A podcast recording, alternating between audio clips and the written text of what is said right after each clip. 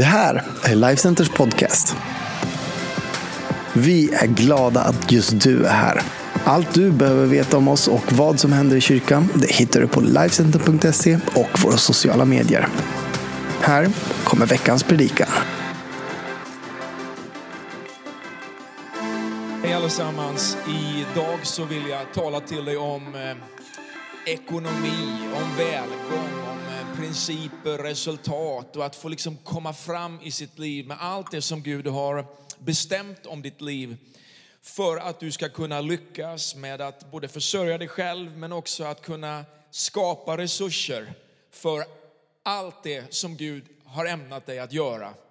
Och det kommer att vara lite ord idag som jag använder mig av som kanske kan vara lite svårt för dig att förstå som är ny i tron eller som har börjat vandringen med Jesus precis nyligen. Och därför så vill jag ta det här ganska långsamt och ganska basic idag. Men allt det som jag undervisar dig om idag, det är principer som kan göra ditt liv bättre, starkare, tryggare och ge dig rätt förutsättningar för att bygga ett bra liv framåt.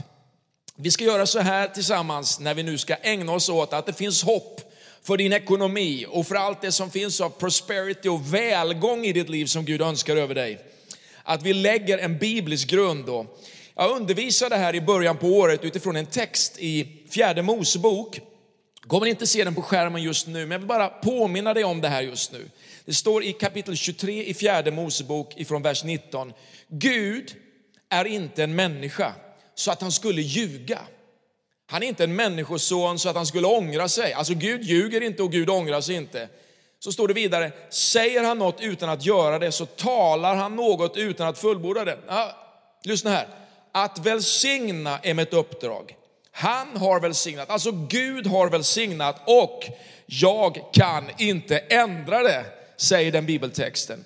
Så förutsättningen för min predikan rakt in i ditt liv idag, det är att Gud, han har välsignat, han vill välsigna och du kan inte ändra någonting på hans vilja, utan han vill det. Och det är den grund som vi ska lägga idag för det som handlar om att få ett bra liv framåt när det är just resursande och ekonomi. Ska vi be tillsammans? Gud, jag ber här att de ord här jag talar idag ska få vara ord som ger liv och ger kraft och ger praktiska principer att bygga livet på. I ditt mäktiga namn, jag ber. Jag tror på andlig välsignelse. Jag tror på en andlig välsignelse som visar sig både i det andliga men också i det materiella, i det fysiska. Alltså en tro som vågar. En offensiv tro i livet har ju faktiskt makt att bryta igenom de begränsningar som vi som mänsklighet står under på grund av det som kallas för syndafallet. Alltså att synden kommer in i, i mänskligheten är någonting som skapar begränsningar för dig och mig att leva det välsignade liv som Gud har kallat oss att leva. Men i Kristus Jesus så kommer resurser frigöras, principer frigöras som hjälper dig att bryta igenom de begränsningar som syndens konsekvenser har för oss. Och då är det så här att man behöver bygga en sån här undervisning på någonting väldigt bra och det jag säger på någonting väldigt bra. Till exempel så här. Jag har en liten kloss med mig här. Om du vill ha bibliska resultat, alltså om du vill ha det som Bibeln talar om på en mängd olika områden, så kan du inte basera de eh, resultaten på vad som helst, utan du måste bygga de resultaten på det som kallas för bibliska principer. Som jag placerar här, principerna i botten, det som är bibliska principer, det Guds ord lär oss, så kan du faktiskt bygga och erövra det som kallas för resultat, bibliska resultat. Men du kan inte bygga de här bibliska resultaten på vad som helst. De måste bygga på bibliska principer. Låt mig läsa tre stycken bibelord för dig. I Matteus 23 och 23 så säger Jesus så här. Ve er skriftlärda och fariser, ni hycklare, ni ger tionde av mynta, dill och kummen, men försummar det som är viktigast i lagen, rätten, barmhärtigheten och troheten. Det ena borde ni göra utan att försumma det andra. Så att Jesus talar om tiondet, men han talar också om andra principer här. Och inte alltså att man ska bara göra det ena, utan man ska göra både och. I Romarbrevet 11 och 16 så säger Paulus så här. Om förstlingsbrödet är heligt, är degen helig. Om roten är helig, då är grenarna heliga. För dig som kanske är ny i det här med bibelläsning så kan man ju undra, vad handlar det här om? Ja, det handlar om en princip som jag ska hjälpa dig att förstå här. Om du bara hänger kvar nu och bara försöker att spetsa öronen så kommer det här revolutionera ditt liv.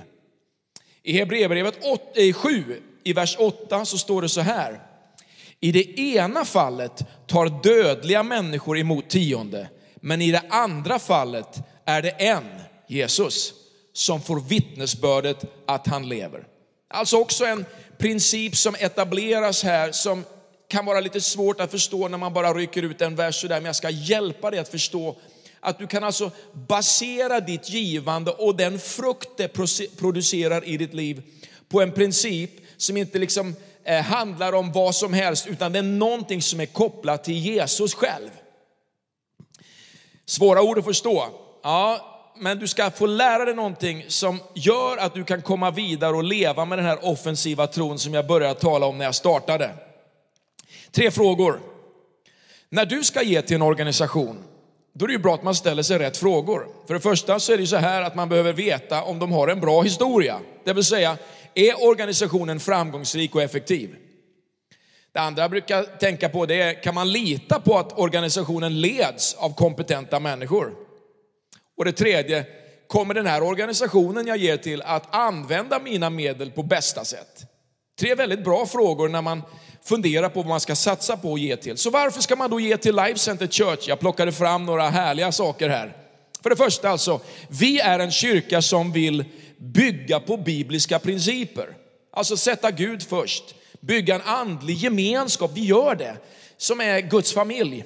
Vi demonstrerar Guds kärlek genom att vi gör saker. Vi utbildar genom att göra lärjungar och vi kommunicerar Guds ord genom att vi vill evangelisera och predika att Jesus inte bara för oss utan för alla människor. Det andra jag tänker på är att det är ett ledarskap i den här kyrkan som älskar dig och faktiskt respekterar dig. Ulrika och jag, vi som är föreståndare och pastorer och grundare till Life Center, vi, vi älskar alla människor i Life Center. Både dig som är den mest härliga och dig som kanske är den, eh, har en situation just nu, så är du faktiskt också härlig i våra ögon, i Guds ögon. Vi älskar dig. Vi tjänar också tillsammans med ett fantastiskt team av ledare och volontärer i den här kyrkan. Det finns ett fantastiskt gäng som faktiskt gör en resa tillsammans där vi lär oss nya saker hela tiden och vi är öppna för en input. Vi har också integritet när det gäller våra finanser. Våra revisorer tycker att det vi gör är bra. Vi har haft massa spännande situationer som vi har gått igenom som kyrka, en del riktigt stora utmaningar genom åren, men hårt arbete och en transparens har faktiskt hjälpt oss igenom det här. Vi vill inte liksom dölja någonting, vi vill leva öppet, vi har en öppen redovisning och vi har bra människor som jobbar med våra finanser. Men vi har också ett hjärta för att hjälpa människor. Vi hjälper människor på en mängd olika sätt. Vi ger råd och så erbjuder vi kontakt och vi har samarbetspartners som, som vi kan använda och som hjälper oss att hjälpa människor. Vi bryr oss om dina barn och dina tonåringar därför att vi tror på den kallelse Gud har lagt ner i deras liv. Vi har också ett arbete särskilt riktat till nästa generation. Till exempel du som nu är tonåring och lyssnar på mig som tyckte att Åh, orkar jag verkligen med en hel predikan när det är sådana här svåra ord och, och lite konstiga saker som man ska tala om. Ja, vi älskar dig och vi tror att det Gud har lagt ner i ditt liv är någonting helt fantastiskt. Om du är 15 år, 16 år, 13 år eller 19 år eller 29 år. Vi tror att det Gud har lagt ner i ditt liv av kallelse och av gåvor är något fantastiskt som vi vill hjälpa dig att bara plocka fram. Och därför vill vi investera i ditt liv. Vi har idag till exempel ledare och pastorer som själva har vuxit upp i vårt arbete, ifrån kids hela vägen in i tonårsarbete och som idag är både pastorer och ledare i vår kyrka. Vi har också en tro som älskar stora och järva drömmar. En regional liksom, eh, dröm och vi har en liksom, nationell dröm och en global dröm faktiskt när det gäller kyrkan. Och vi är villiga att ta positiva risker framåt när det gäller det vi satsar på. Kanske viktigaste punkten om jag vill avsluta med bara liksom den här motivationen för dig, det är att ditt liv har förvandlats av en kyrka som Life Center. Det är kanske en av de viktigaste orsakerna till att man ger in i sin kyrka, det är att mitt liv förvandlas. Jag blev född på nytt i en kyrka. Jag, jag upplevde Jesus för första gången i en kyrka. Jag blev andedöpt i en kyrka. Jag hade människor som hjälpte mig att utvecklas som en ung kille. Och jag, jag tror att det kanske är en av de viktigaste grejerna. Av tacksamhet så vill jag bara fortsätta satsa på det som betytt så mycket för mig. Därför att det kan betyda någonting för någon annan också.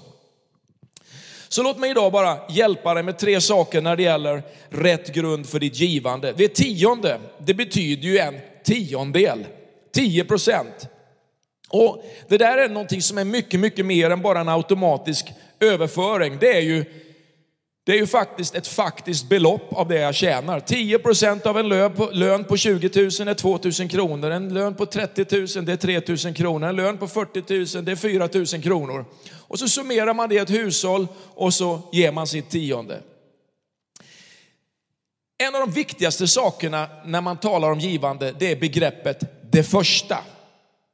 När man studerar Bibeln så använder vi oss av ett ord och en, någonting, en princip som kallas för hermaneutik. hermaneutik. Och det betyder läran om förståelse. Alltså hermaneutik det är hur man utforskar, hur man läser och hur man förstår och hur man bearbetar texterna.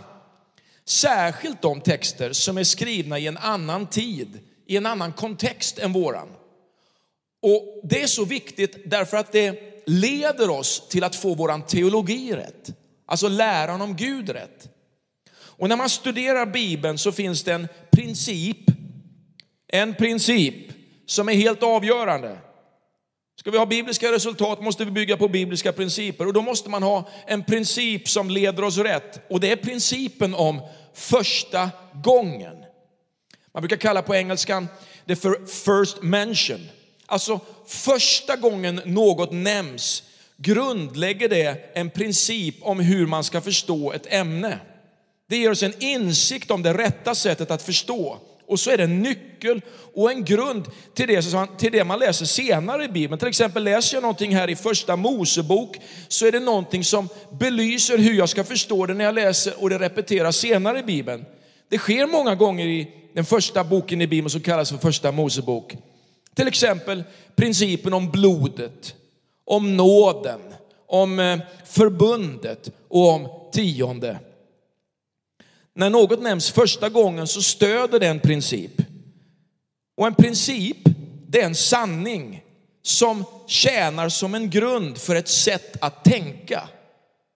En princip är en sanning som tjänar som en grund för ett sätt att tänka. Alltså en regel som styr mitt beteende. En regel som styr mitt beteende. Och den här, det här konceptet om det första förutsätter någonting. Bland annat så talas det om någonting som kallas för förstlingsfrukten i Bibeln. Det är samma princip, men den har liksom utvecklats lite senare än bara från den första gången den nämndes under det som kallas för lagen och en pågående princip som man möter även i nya testamentet när Jesus talar om den. I Romarbrevet 11 och 16 så läste vi de här orden om förstlingsbrödet. Det första brödet är heligt, så är hela degen helig. Och om roten är helig så är grenarna heliga, hela trädet är heligt. Paulus han talar om Abraham som blev en förstlingsfrukt, alltså det första som, som liksom utvanns av liksom det som var grödan. Och han blev en förstlingsfrukt av det som kallas för rättfärdighet av tro. Och lyssna här nu, om du, om, om, häng med här nu, lyssna här. Han visade en väg, Abraham visade en väg där vi alla kan bli rättfärdiga av tro. Och det pekar på hur viktig och hur mäktig en princip är, hur en idé är. Att den principen som läggs som en grund i Guds ord är någonting som vi kan bygga våra liv på. Alltså betyder den här principen när det gäller givande att det första som ges, det påverkar resten.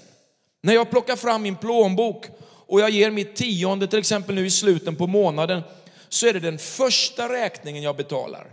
Därför att när jag gör det så välsignar det resten av min ekonomi.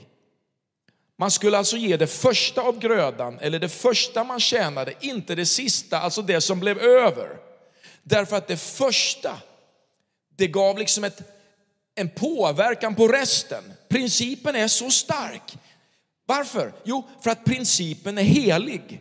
Och så smittar den där principen av sig på resten av degen. Som en, du vet när man har jäst i en degen, man bakar in en jäst i degen och så påverkar, genomsyrar den jästen hela degen.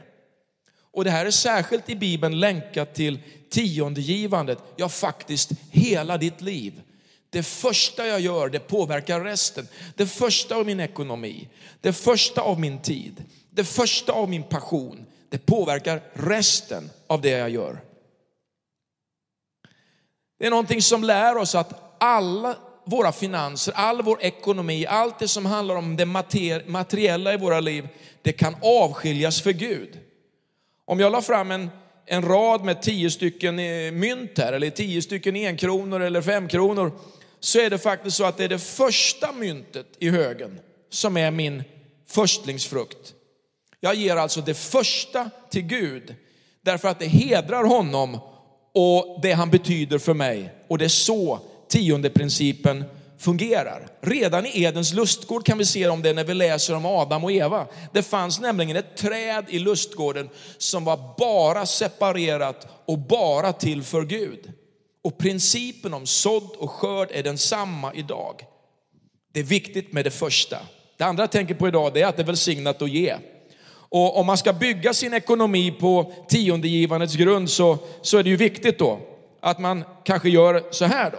Om jag vänder och säger så här att tiondet är principen och grunden och så säger jag resten av din ekonomi, den ska du bygga på den principen. Vad betyder det? Jo, det betyder att man erkänner Guds ägarskap över allt det jag har. Jakob, han erkände Guds ägarskap genom att ge tionde till Gud. Kan du läsa om i första Mosebok 28 kapitel. Han kunde inte ge, lyssna här, han kunde dock inte ge om inte Gud först hade gett honom något att ge tionde av.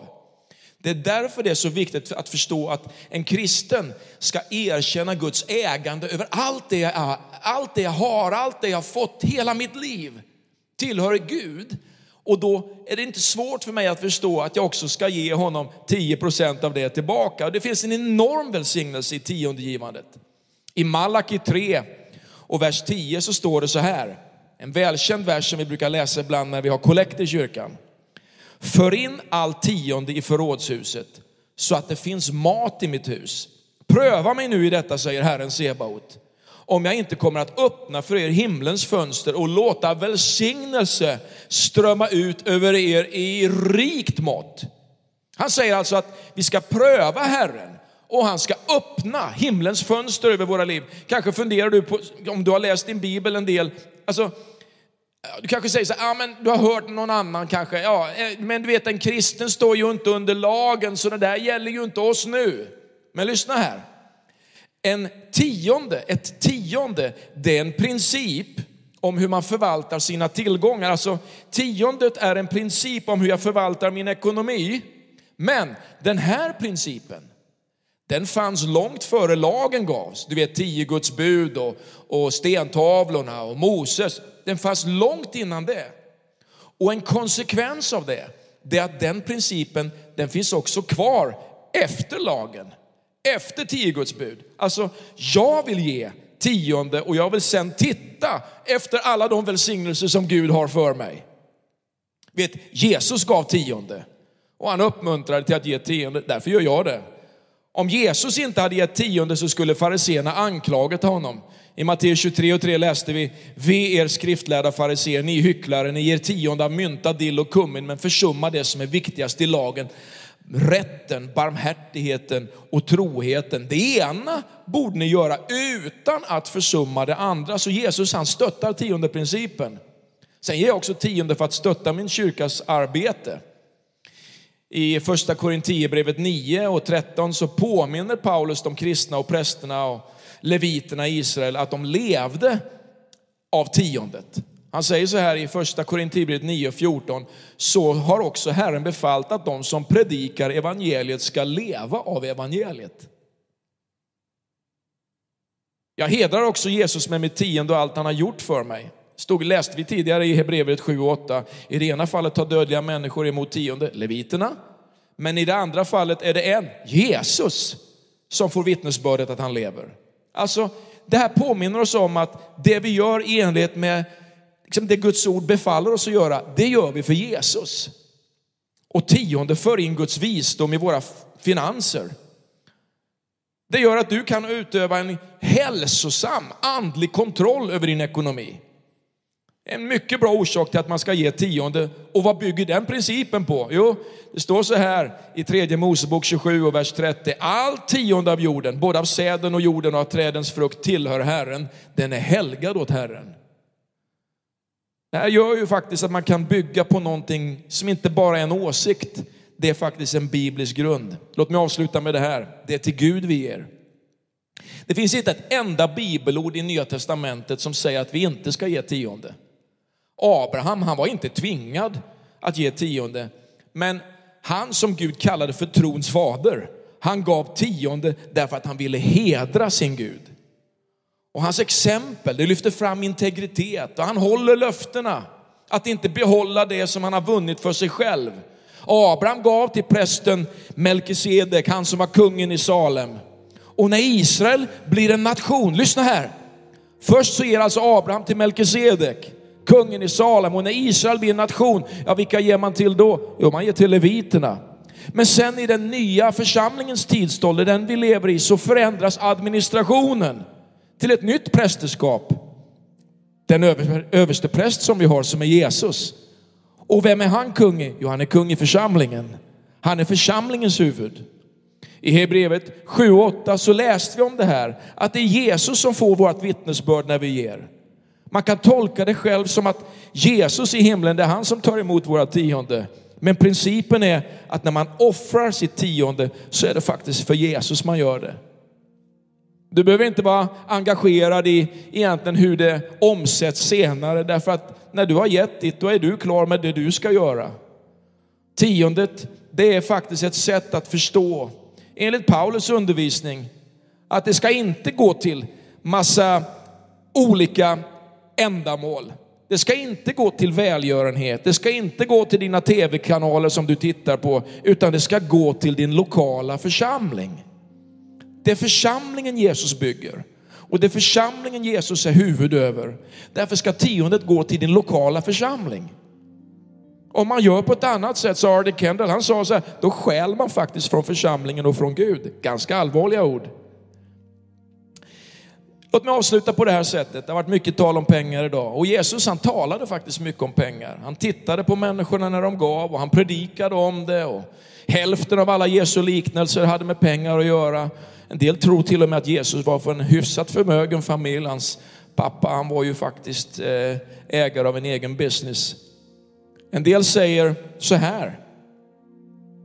Jag vill bara ha Jesus. Allt det där andra är inte så viktigt. Men jag har faktiskt ett problem med det tänkandet. Det handlar i så fall om ett liv som ursäktar. Ursäktar sig och säger det är inte så viktigt. Det är inte så viktigt med lärjungaskap för jag vill bara ha Jesus. Det är inte så viktigt att gå på gudstjänster, jag vill bara ha Jesus. Det är inte så viktigt att ge tionde. Hallå, Jesus han stöttade tiondegivandet. Tionde nämns från början av Guds ord rakt igenom. Tionde är bibliskt. Tionde visar att jag sätter Gud först. Och det börjar med mina finanser. Tionde hjälper oss att skapa rum i våra liv för givande, generöst liv som motverkar egoism. Jesus är vårt exempel, han gav tionde. Och när vi ger så välsignas vi tillbaka på en mängd olika sätt. Och tionde, det stöttar din kyrka att kunna göra det den är kallad att göra. Det här var min undervisning idag om pengar och om ekonomi, om tionde och ytterst någonting som faktiskt i ditt eget liv handlar om att du vill ha resultat i ditt liv. Och vilka resultat du än är ute efter i ditt liv. Om det handlar om att uppleva en välsignelse på det ena eller andra området, bygg det livet på bibliska principer och du ska se att du får uppleva seger på seger på seger i ditt liv. Låt mig avsluta på följande sätt. Oavsett om vi talar om ekonomi eller vi talar om något annat i Guds rike så bygger det på att man har gjort Jesus till Herre i sitt liv. Det är väldigt svårt att förstå de här principerna om man inte praktiserat ett liv där man faktiskt har gett Jesus kontrollen över sitt liv. Så om du längtar efter att se en helt annan, en helt annan utgång, ett helt annat perspektiv på livet så ska du förstå det här. Gud älskar dig. Han älskar dig så mycket att han sände Jesus till dig. Varför gör han det? Jo, därför att livet för mänskligheten, det var kört utan Jesus. Vi hade strulat till det. Och så kommer Jesus och säger han, det finns en ny väg. Tro på mig, säger han. Det finns en väg tillbaka till kontakten med Gud och det är genom tron på Jesus Kristus. Det är starten på allt. Och låt mig be för dig och låt mig välsigna dig som längtar efter denna nya start. Varför inte där du sitter just nu? Välkomna Jesus in i ditt liv. Kanske för att uppleva det stora genombrottet i ditt liv. Och det börjar alltid med Jesus. Han älskar dig. Ska du knäppa dina händer och be med mig i den här bönen? Jesus, jag tror på dig. Jesus, jag lägger mitt liv i dina händer. Förlåt mig min synd. Rena mig på djupet av mitt liv och ge mig en ny framtid och ett nytt hopp. Jag väljer att lita på dig därför att det håller alltid. I Jesu namn. Amen. Amen. Gud välsigne dig och tack för att du har lyssnat på mig och den här undervisningen idag.